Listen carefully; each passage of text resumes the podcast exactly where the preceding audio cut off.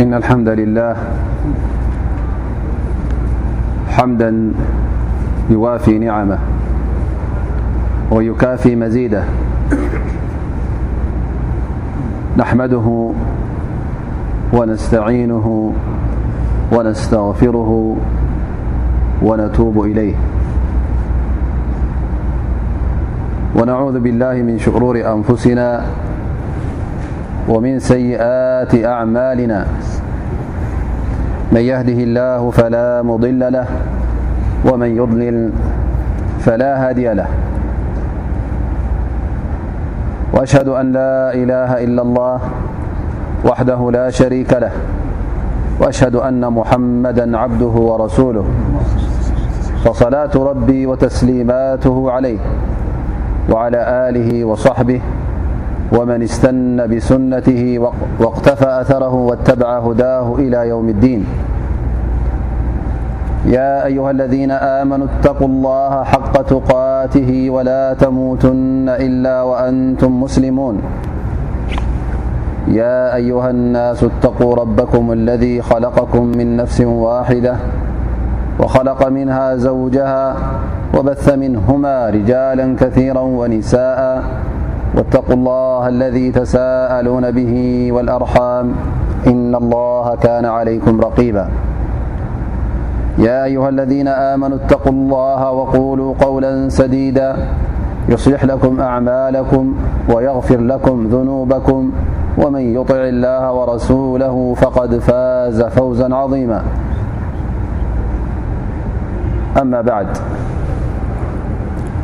خبركم أو السلام عليكم ورحمة الله وبركات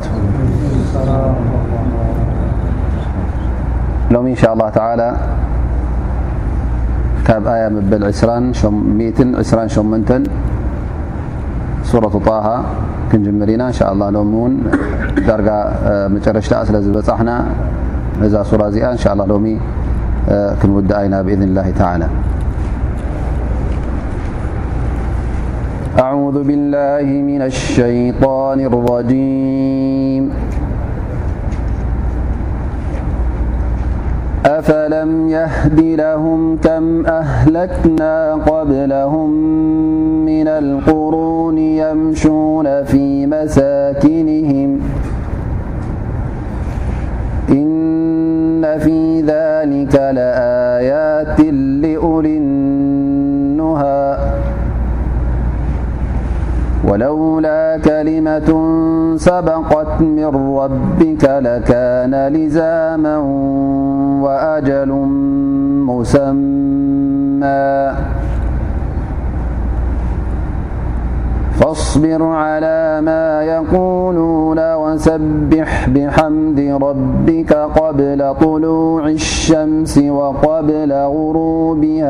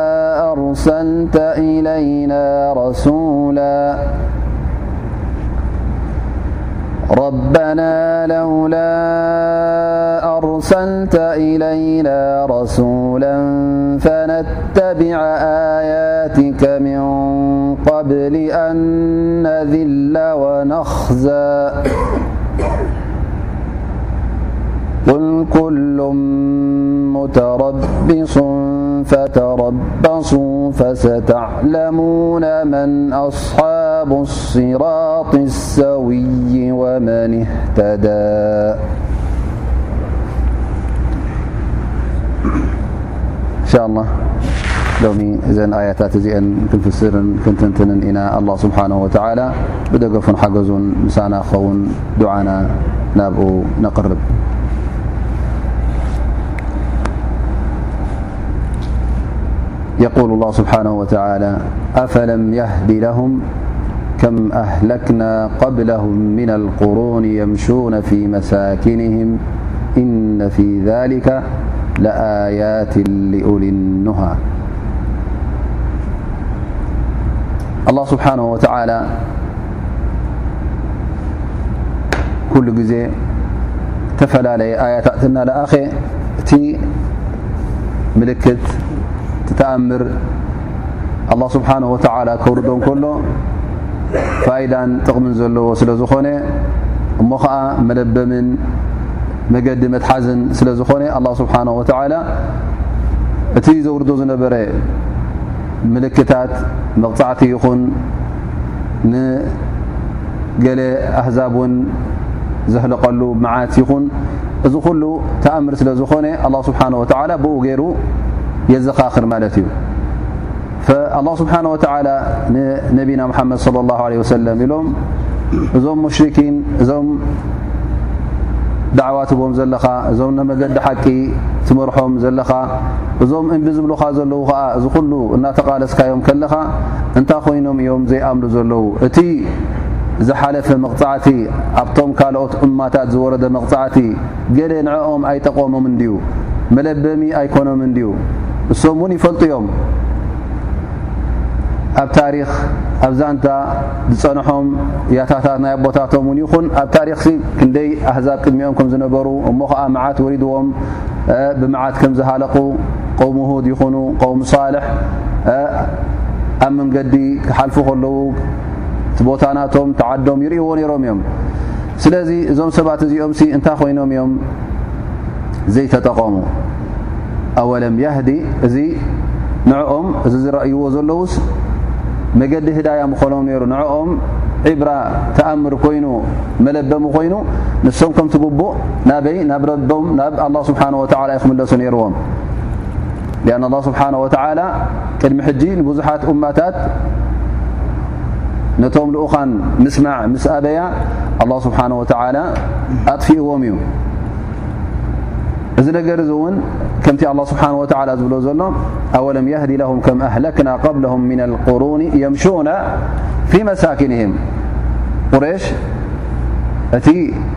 ቦታታት እፈልጥዎ ነሮም ማለት እዮም ብኡ ይሓልፉ ነሮም እቲ ገዛውቶም እቲ ዝተረፈ ዓደም እቲ ዝበረሰ ንብረት ምልክታት ዝነበረ እውን ይርእዎ ነሮም ብኡ ይሓልፉ ነሮም እዮም ስለዚ እዚ ከም ትግቡእ ንዕኦም ናብ ረቢ ክመልሶም መገዲ ሓቂ ንክመልሶም እዩ ነይሩ ግን እዞም ሰባት እዚኦም ኣላ ስብሓን ወተላ ከምቲ ዝበሎ እነ ፊ ሊካ ለኣያትን ሊመን ያክዋን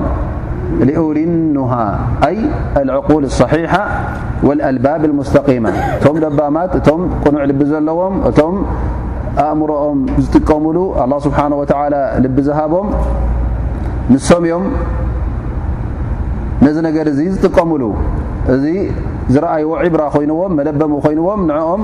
ናብ መገዲ ሓቂ ይመርሖም ማለት እዩ ذ ዑለማ ኢሎም እህላከ እመም ሳቢቃ ሰበቡ ምን ኣስባብ ህዳያ ኣ ስብሓ ወ ሰበብ ገይርዎ ማለት እዩ ቶም እማታት ኣ ስብሓ ወ ክቆፅዖም እንከሎ እዚ ሕጂ ንመን ነቶም ዝተረፉ ነቶም ብድሕሪኦም ዝመፁ እንታይ ኮይኑ ማለት እዩ ዒብራ ስለ ዝኾነ ሕጂ ሰበብ ኮይኖም ንምንታይ ናብ ህዳያ ንክምለሱ ናብ ረቦም ንክምለሱ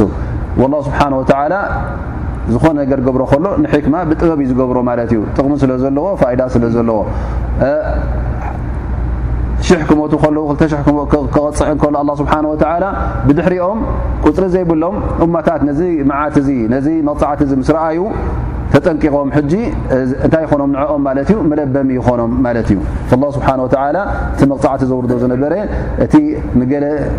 ኣህዛብ ህልቀት ዘውርደሎም ዝነበረ እንታይ ኮይኑ ማለት እዩ ንካልኦት ነቶም ዝተረፉ ነቶም ብድሕሪኦም ዝመፁ ናብ መገዲ ሓቂ ንክመልሶም ሰበብ ኮይኑ ማለት እዩ ላኪን እዞም ብድሕሪኦም ዝመፁ ለባማት እንተ ኮይኖም ዓቕሊ እተ ኣለዎም ኮይኑ ኣእምሮኦም እተ ዝጥቀምሉ ኮይኖም እቲ ዝርእዎ ዘለዉ ዕብራ እቲ ዝርእዎ ዘለዉ ኣብነት እቲ ዝርእዎ ዘለዉ ኩሉ ነገራት መለበ ምኮኖም እተ ኮይኑ እዚ ስለምንታይ ተረኪቡ እንታይ ኮይኑ ተረኪቡ ኢሎም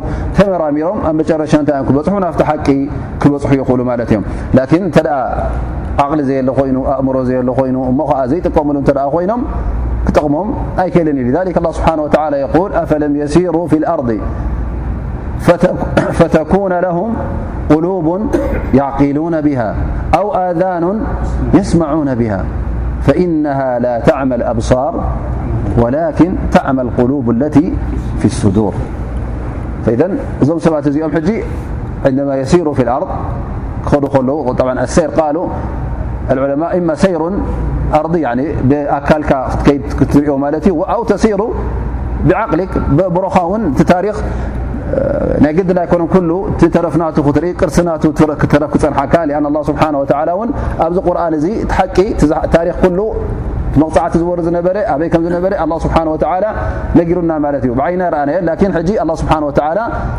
የስማዓና ኣሎ ቁርን እሞ ከዓ ሕጂ ከነስተንትና ኣለና ማለት እዩ ሓንጎልና ከነስራሕ ኣለና እዚ ታሪክ እዚ ከመይ ከም ዝነበረ እቶም ሰብ ኢማን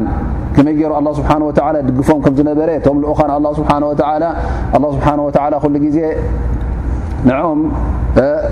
ደጋፍን ሓጋዝን ኮይኑ ዓወት ከጎናፅፎም እንከሎ ነቶም ክሓቲ ከዓ ድሕሪ ነዊሕ ግዜ ኮይኑ ሓፂር ግዜ ኣላ ስብሓን ወተዓላ ኣብታ መዓልቶም ኣብታ ተወሰነት እለት የጥፍኦም ከም ዝነበረ እዚ ኩሉ ክነግረና ከሎ ኣላ ስብሓን ወተዓላ ፈኢዘ ነስተፊድ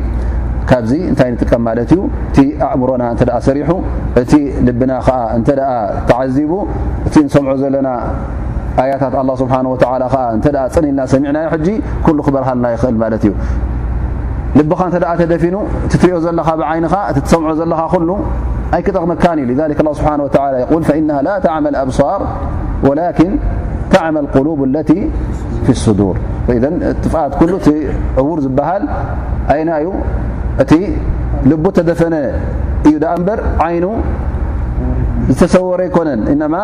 ልቡ ተደፈነ እሱዩ ኸዓ ዕዉር ትብሎ ኣን እሱዩ መገዲ ዘይረኸበ ክንደይ ዓይነ ስውራት ኣለዉ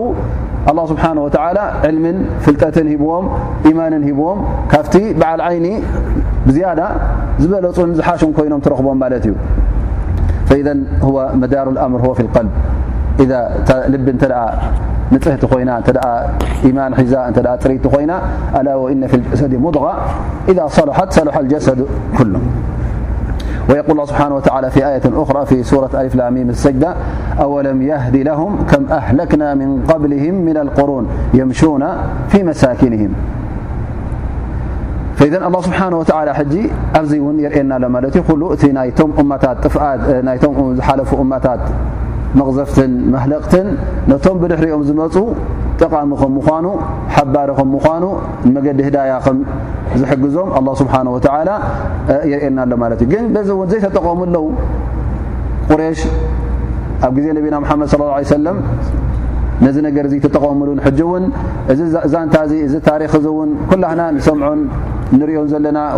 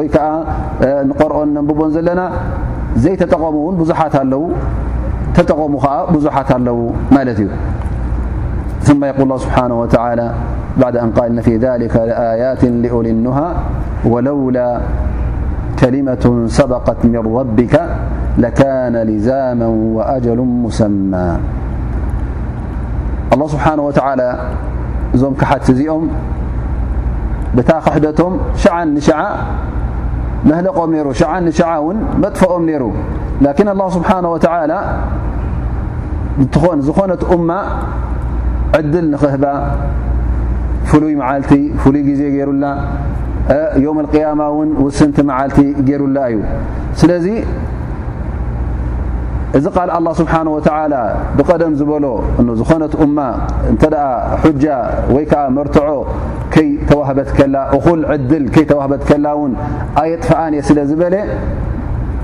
ንኹሎም ቶም ካሓቲ ኣላ ስብሓን ወተላ ሸዓ ንሸዓ በታ ክሕደቶም ኣይቀፅዖምን እዩ እንታይ ደኣ ክሳዕታ ዕድሎም ዝውድኡ እታ መዓልቲ ቅያማ እውን ክሳዕ እትመፅእ ኣላ ስብሓን ወተላ ዕድል ክህቦም ማለት እዩ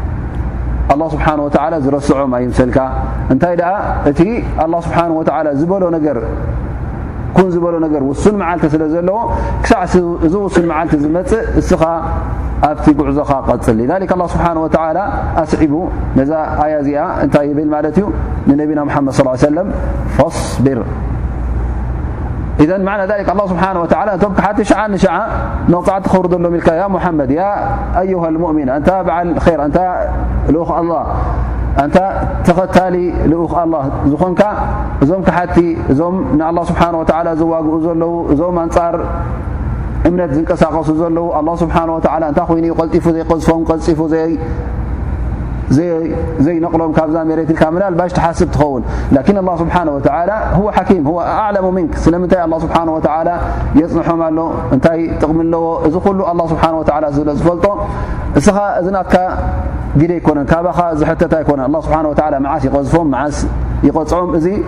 ናትካ ሓላፍነት ኣይኮነን ሓላፍነት ናይ መን እዩ ናይ ኣላ ስብሓን ወተላ እስኻ ሓላፍነትካ እታ ሓቂ እታ ዳዕዋ እታ ዝበለካ ኣላ ስብሓን ወተላ ከተብፅሕ ኢኻ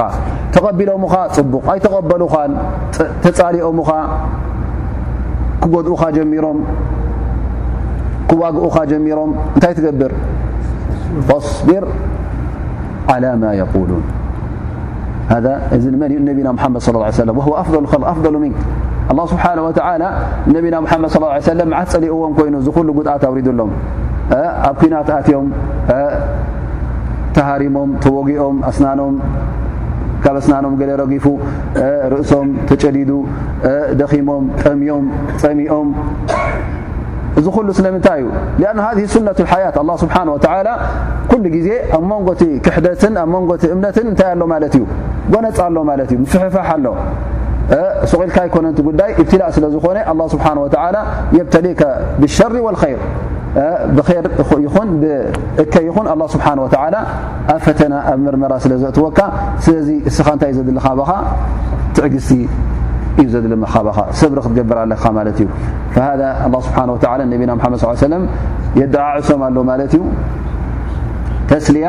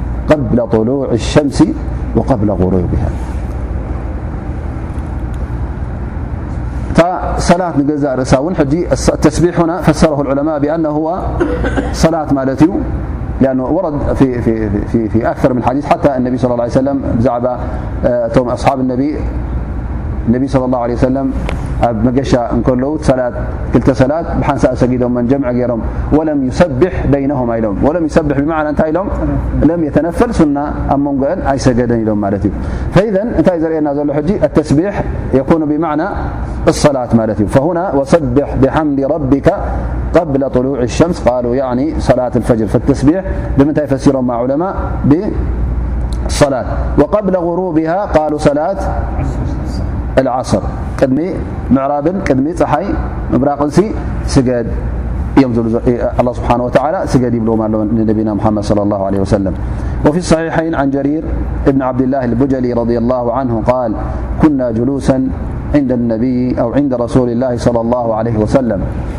فنظر إلى القمر ليلة البدر فقال إنكم سترون ربكم كما ترون هذا القمر لا تضامون في رؤيته فإن استطعتم ألا تغلبوا على صلاة قبل طلوع الشمس وقبل غروبها فافعلوا ثم قرأ هذه الآيةيب عبداللهبانب صلى الله عليه سلمالنا في ليلة بعا من ليال البدر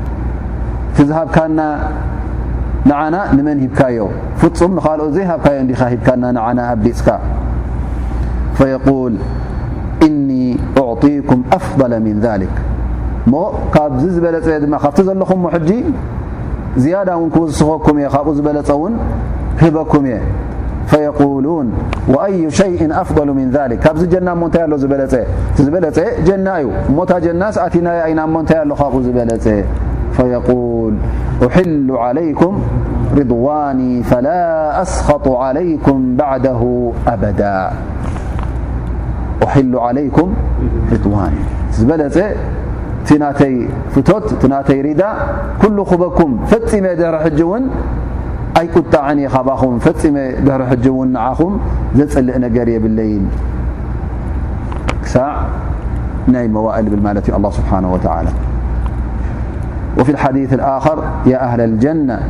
إن لكم عند الله موعدا يريد أن ينجزكموه فيقولون وما هو ألم يبيض وجوهنا ويثقل موازيننا ويزحزحنا عن النار ويدخلنا الجنة ፈመን ዙሕዚሐ ዓን ናሪ ወድኪለ ልጀና ፈቐድ ፋዝ ፈቃር እዚ ተረኪብናዮ እንዲና እቲ ዝበልክኹም ውዕል ክህበኩም ዶ እቲ ዝኣተኹኹም ውዕል ክገብረልኩም ዶ ይብል ኣላ ስብሓን ወተዓላ ንመን ነቶም ጀና ዝኣተዉ ፈየቁሉን እንታይ ኢሎም ምልሱ እ ካብዚ ዝበለፀ እቲ ኩሉ ዝበልካና ሂብካና እንዲኻ ገፅና ኣፃዕዲኻዮ እቲ ሚዛንናን ክብደትናን ሰናይ ተግባራትና ኩሉ ከዓ እንታይ ኮይኑ ማለት እዩ ኣኽቢድካዮ እሞ ብሰንኩ ከዓ ንህንሀ ንጀና ኣቲና ካብ እሳት ጀሃንም እውን ኣርሒቕካና ንጀና እውን ኣእቲኻና ካብዚ እሞ እንታይ ኣሎ ኢሎም ይሓቱ ማለት እዩ ፈየክሽፉ ኣልሒጃብ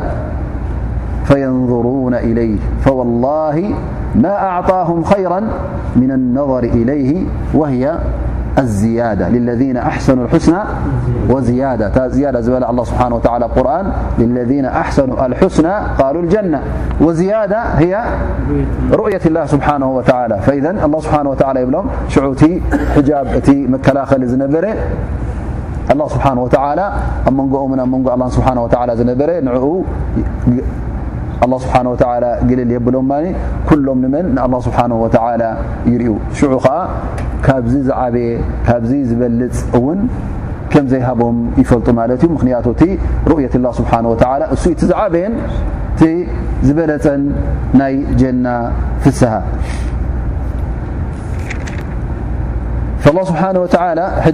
ننبينا محمد صلى الله عليه وسلم ين نتم صعبتم نم مجد نبنا محمد صىالله عليه وسلم حزم زخدو فاصبر على ما يقولون مس بلو وسبح بحمد رن ون الله سبحانه وتعالى ك منتي يتنققل ملت ي كفت ي الدنيا نجر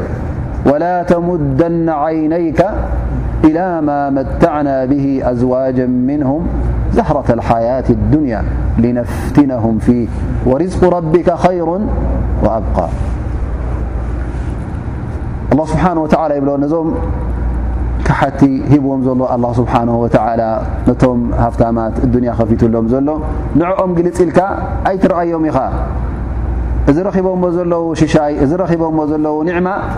ግዜያዊ ስለ ዝኾነ ቅጭጭ ክብለካ የብሉን ወላ ተሙደና ዓይነይካ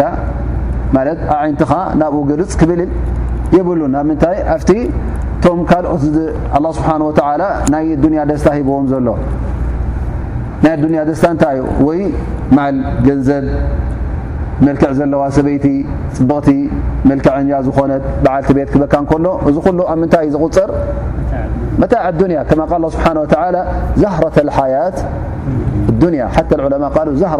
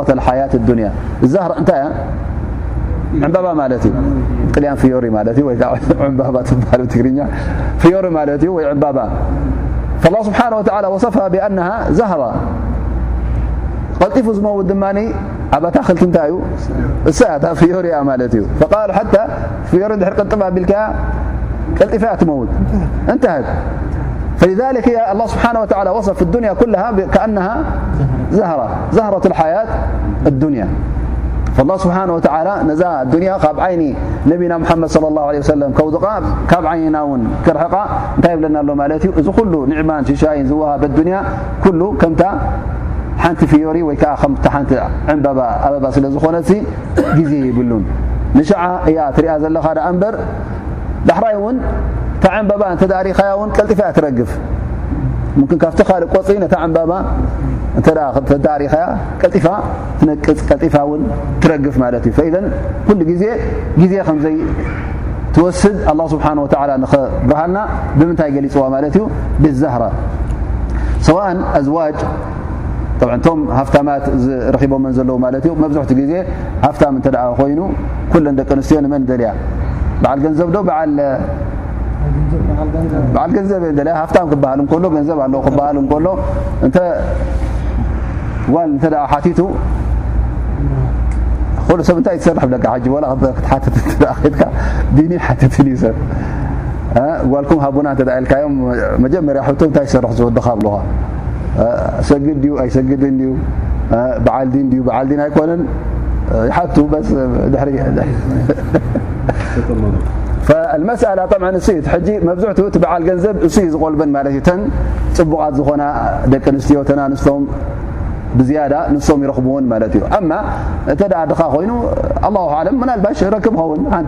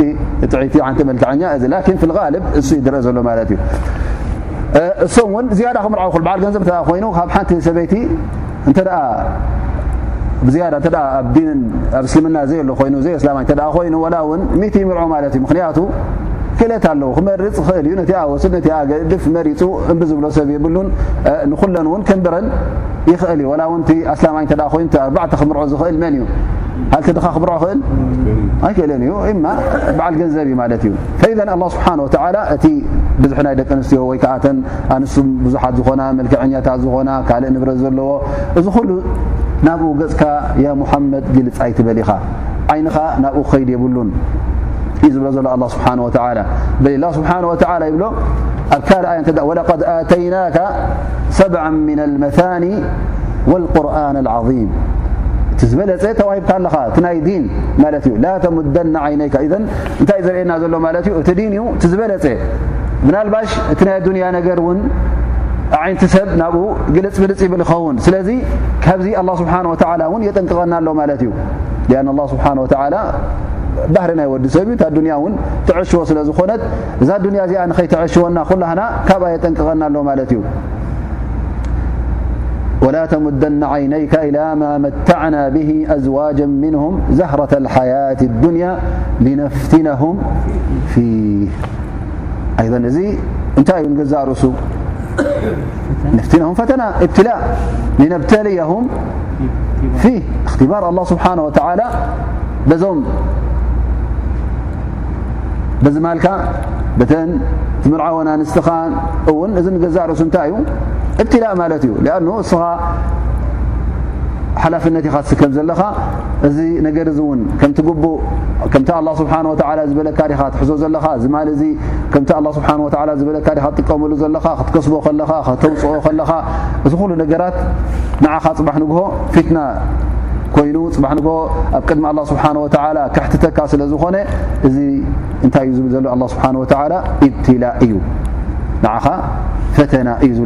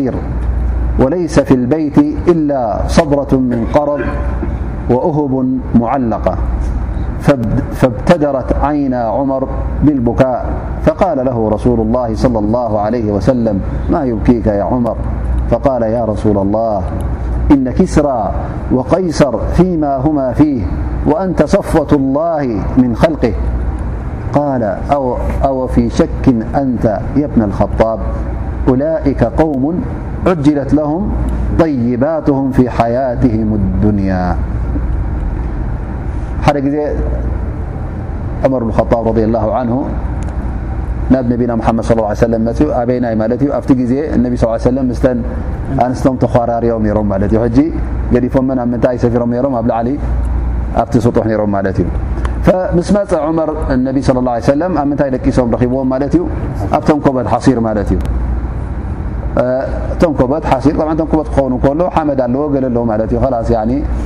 ተረኣያታ ገዛ ድማ ወደ ሓንቲ የብላ ማለት እዩ ሸሓኒ ንእሽተይ ናይ ብልዒ ዝበልዑላ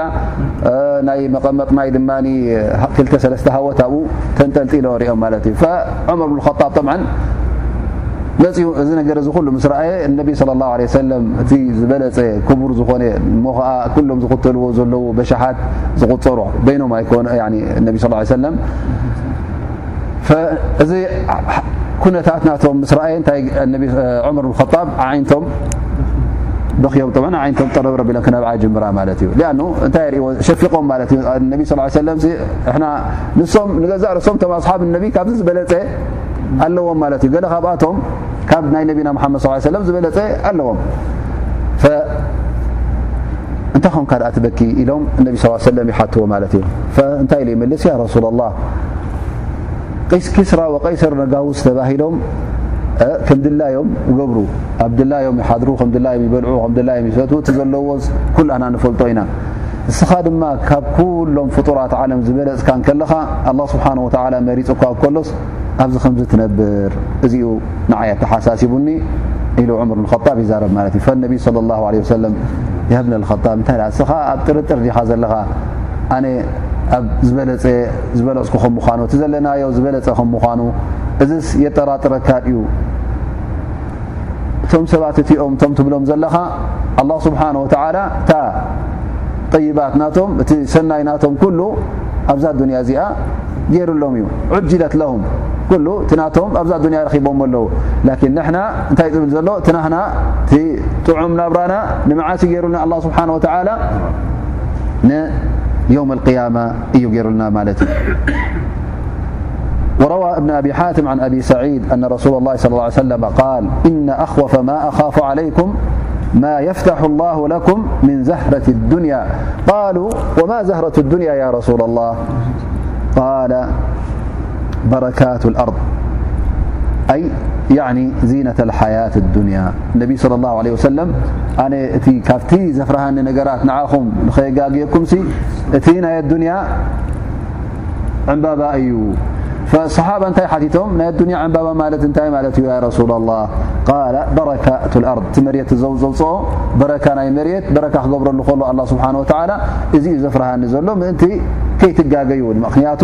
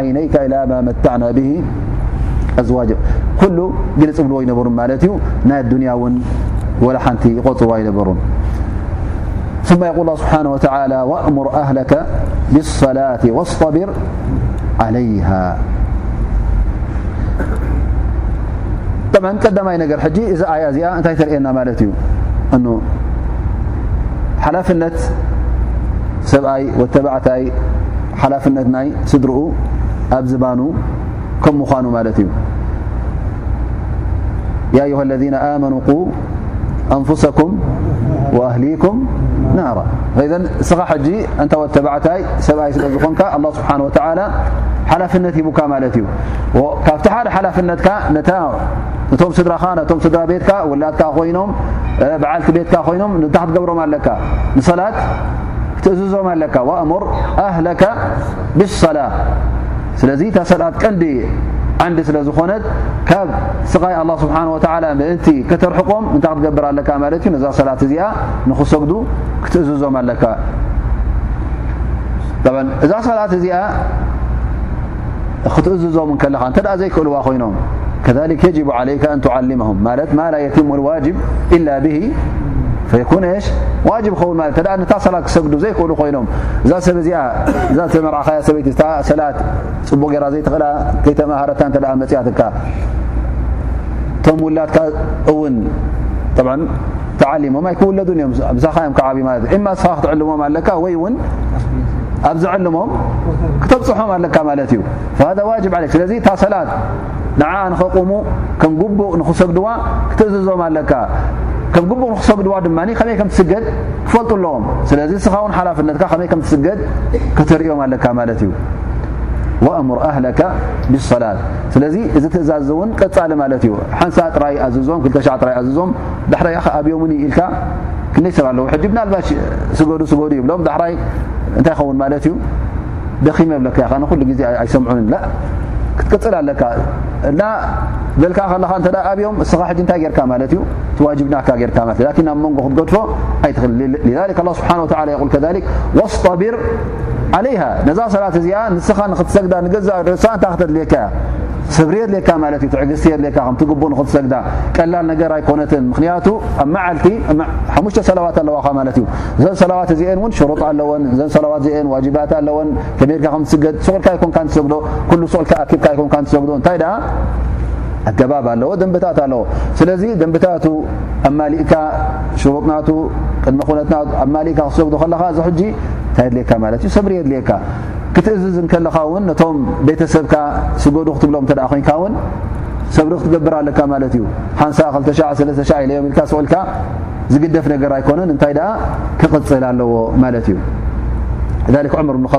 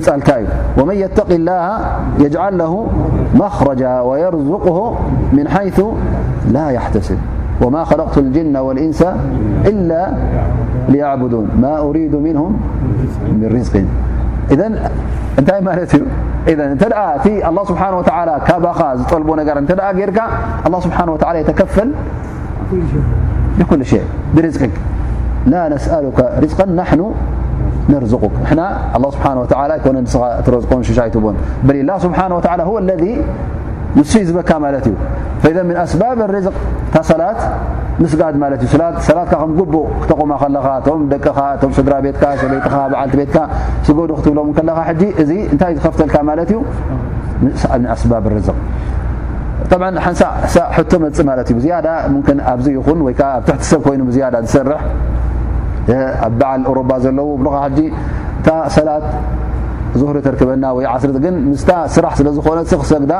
ኣይክእልን እየ ስለዚ እንታይ ኸውን ኣሎማ እታ ስራሑ እታ ርዝቅናቱ ምስ ምንታይ ትገራጮላ ማለት እዩ ምስታ ሰላት ትገራጮላ ማለት እዩ ፈኣይሁማ ይቀድም እታ ሰላት ክቅድም ኣለዎ ኣ ላ ስብሓ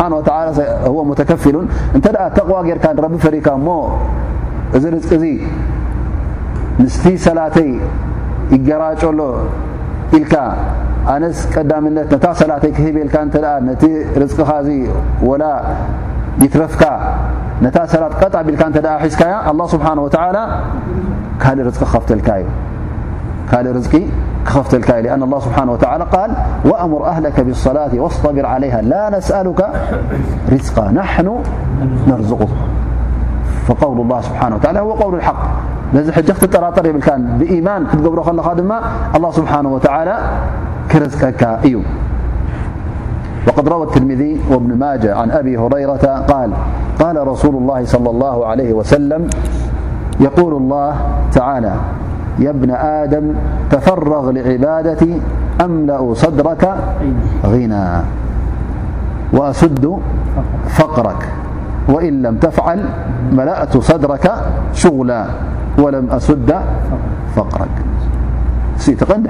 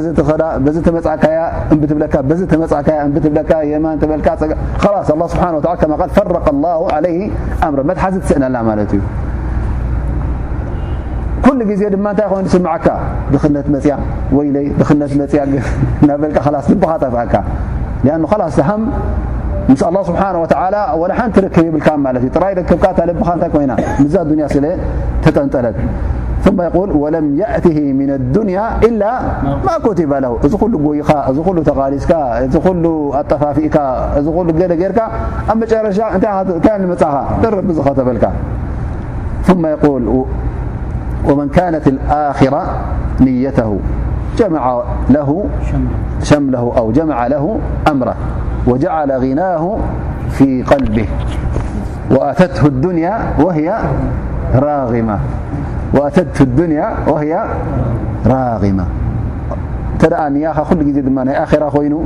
ኣላ ስብሓን ወተዓላ እቲ ነገራት ኩሉ እውን ይኣኻኽበልካ ማለት እዩ እቲ ሃፍትኻ ድማ ኩሉ ግዜ ኣብ ልብኻ ይገብሮ ማለት ልብኻ ሃፍታም እንተ ደኣ ኮይኑ ኸላስ ወላ ሓንቲ ግልፅ ምልፅ ኣይትብልን ኢኻ ማለት እዩ ኣበላ ኣዱንያ ግልፅ ምልፅ ይብልካ ኣኑ እታ ኣልጊና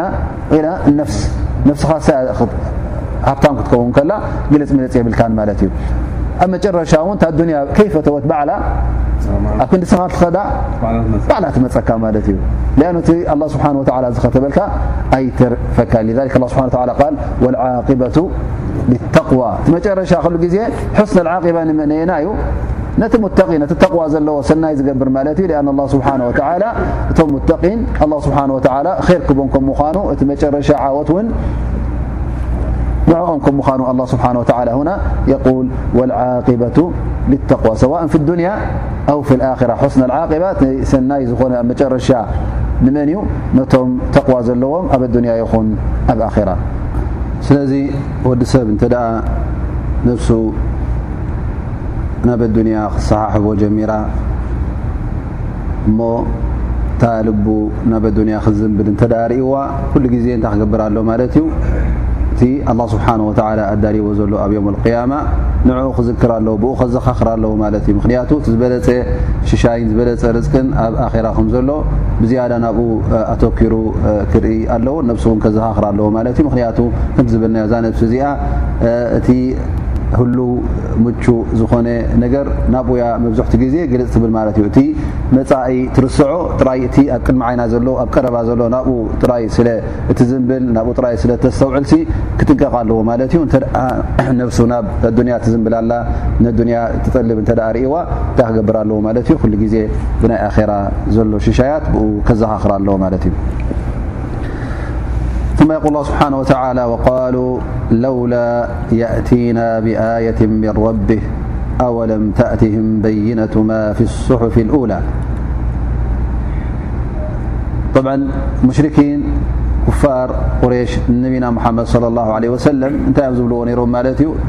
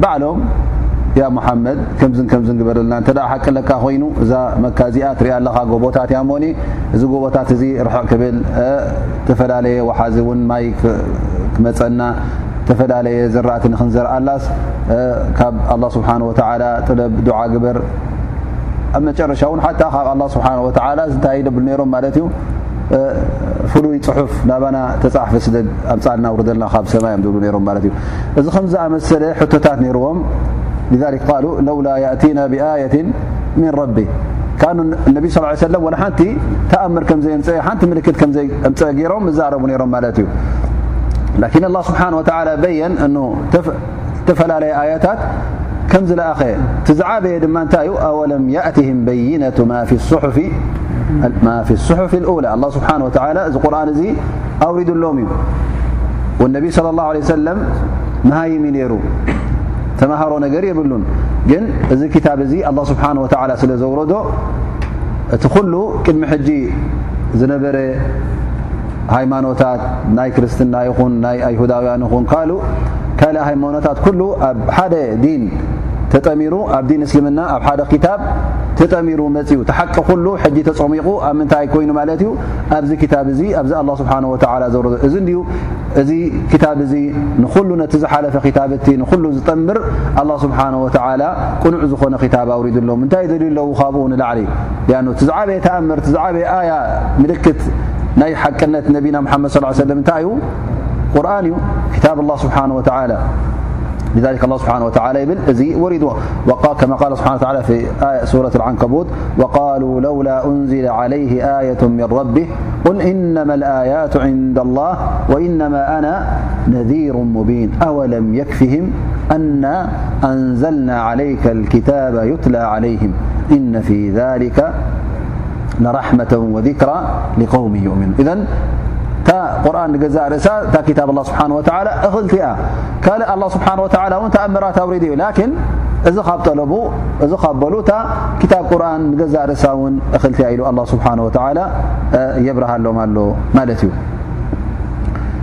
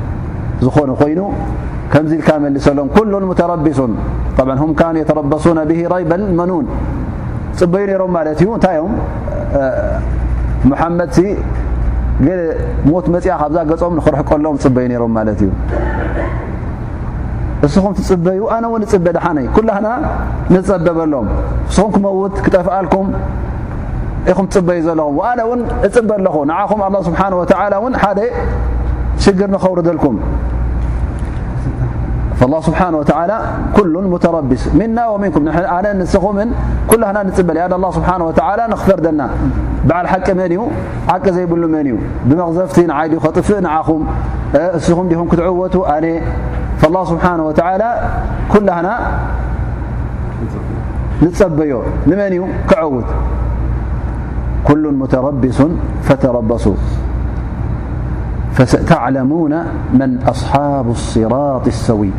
መን እዩ እቲ በዓል ሓቂ እቲ ኣብ ጠሪቅ ሙስተቂም ዘሎ ኣብ መንገዲ ሓቂ ዘሎ መን ከም ምዃኑ ሽዑ ክፍለጥ እዩ ሊኣን ኣላ ስብሓን ወተላ ንመን እዩ ዘዐውት ነቶም ሙእምኒን ነቶም ሰብ ሓቂ ንግዜኡ ምናልባሽ እቶም ክሓቲ ጸበልትነት ኣርእዮም ነሮም ክኾኑ ኣብቲ መጀመርያ እስልምና ኣብዮም እምብናበሉ እውን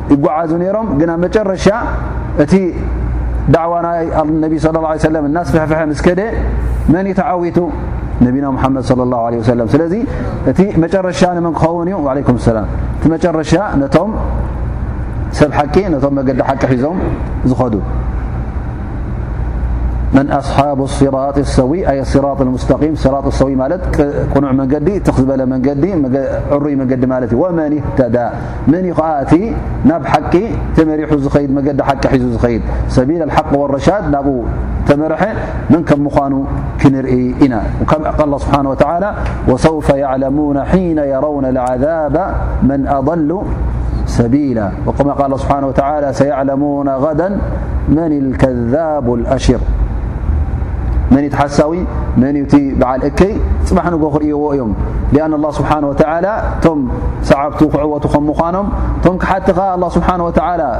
መቕፃዕቲ ወይ ካብ ሰማይ ኮይኑ ወይ እውን ብኢድ እቶም ኣመንቲ ኣብ ኣዱንያ ከለዉ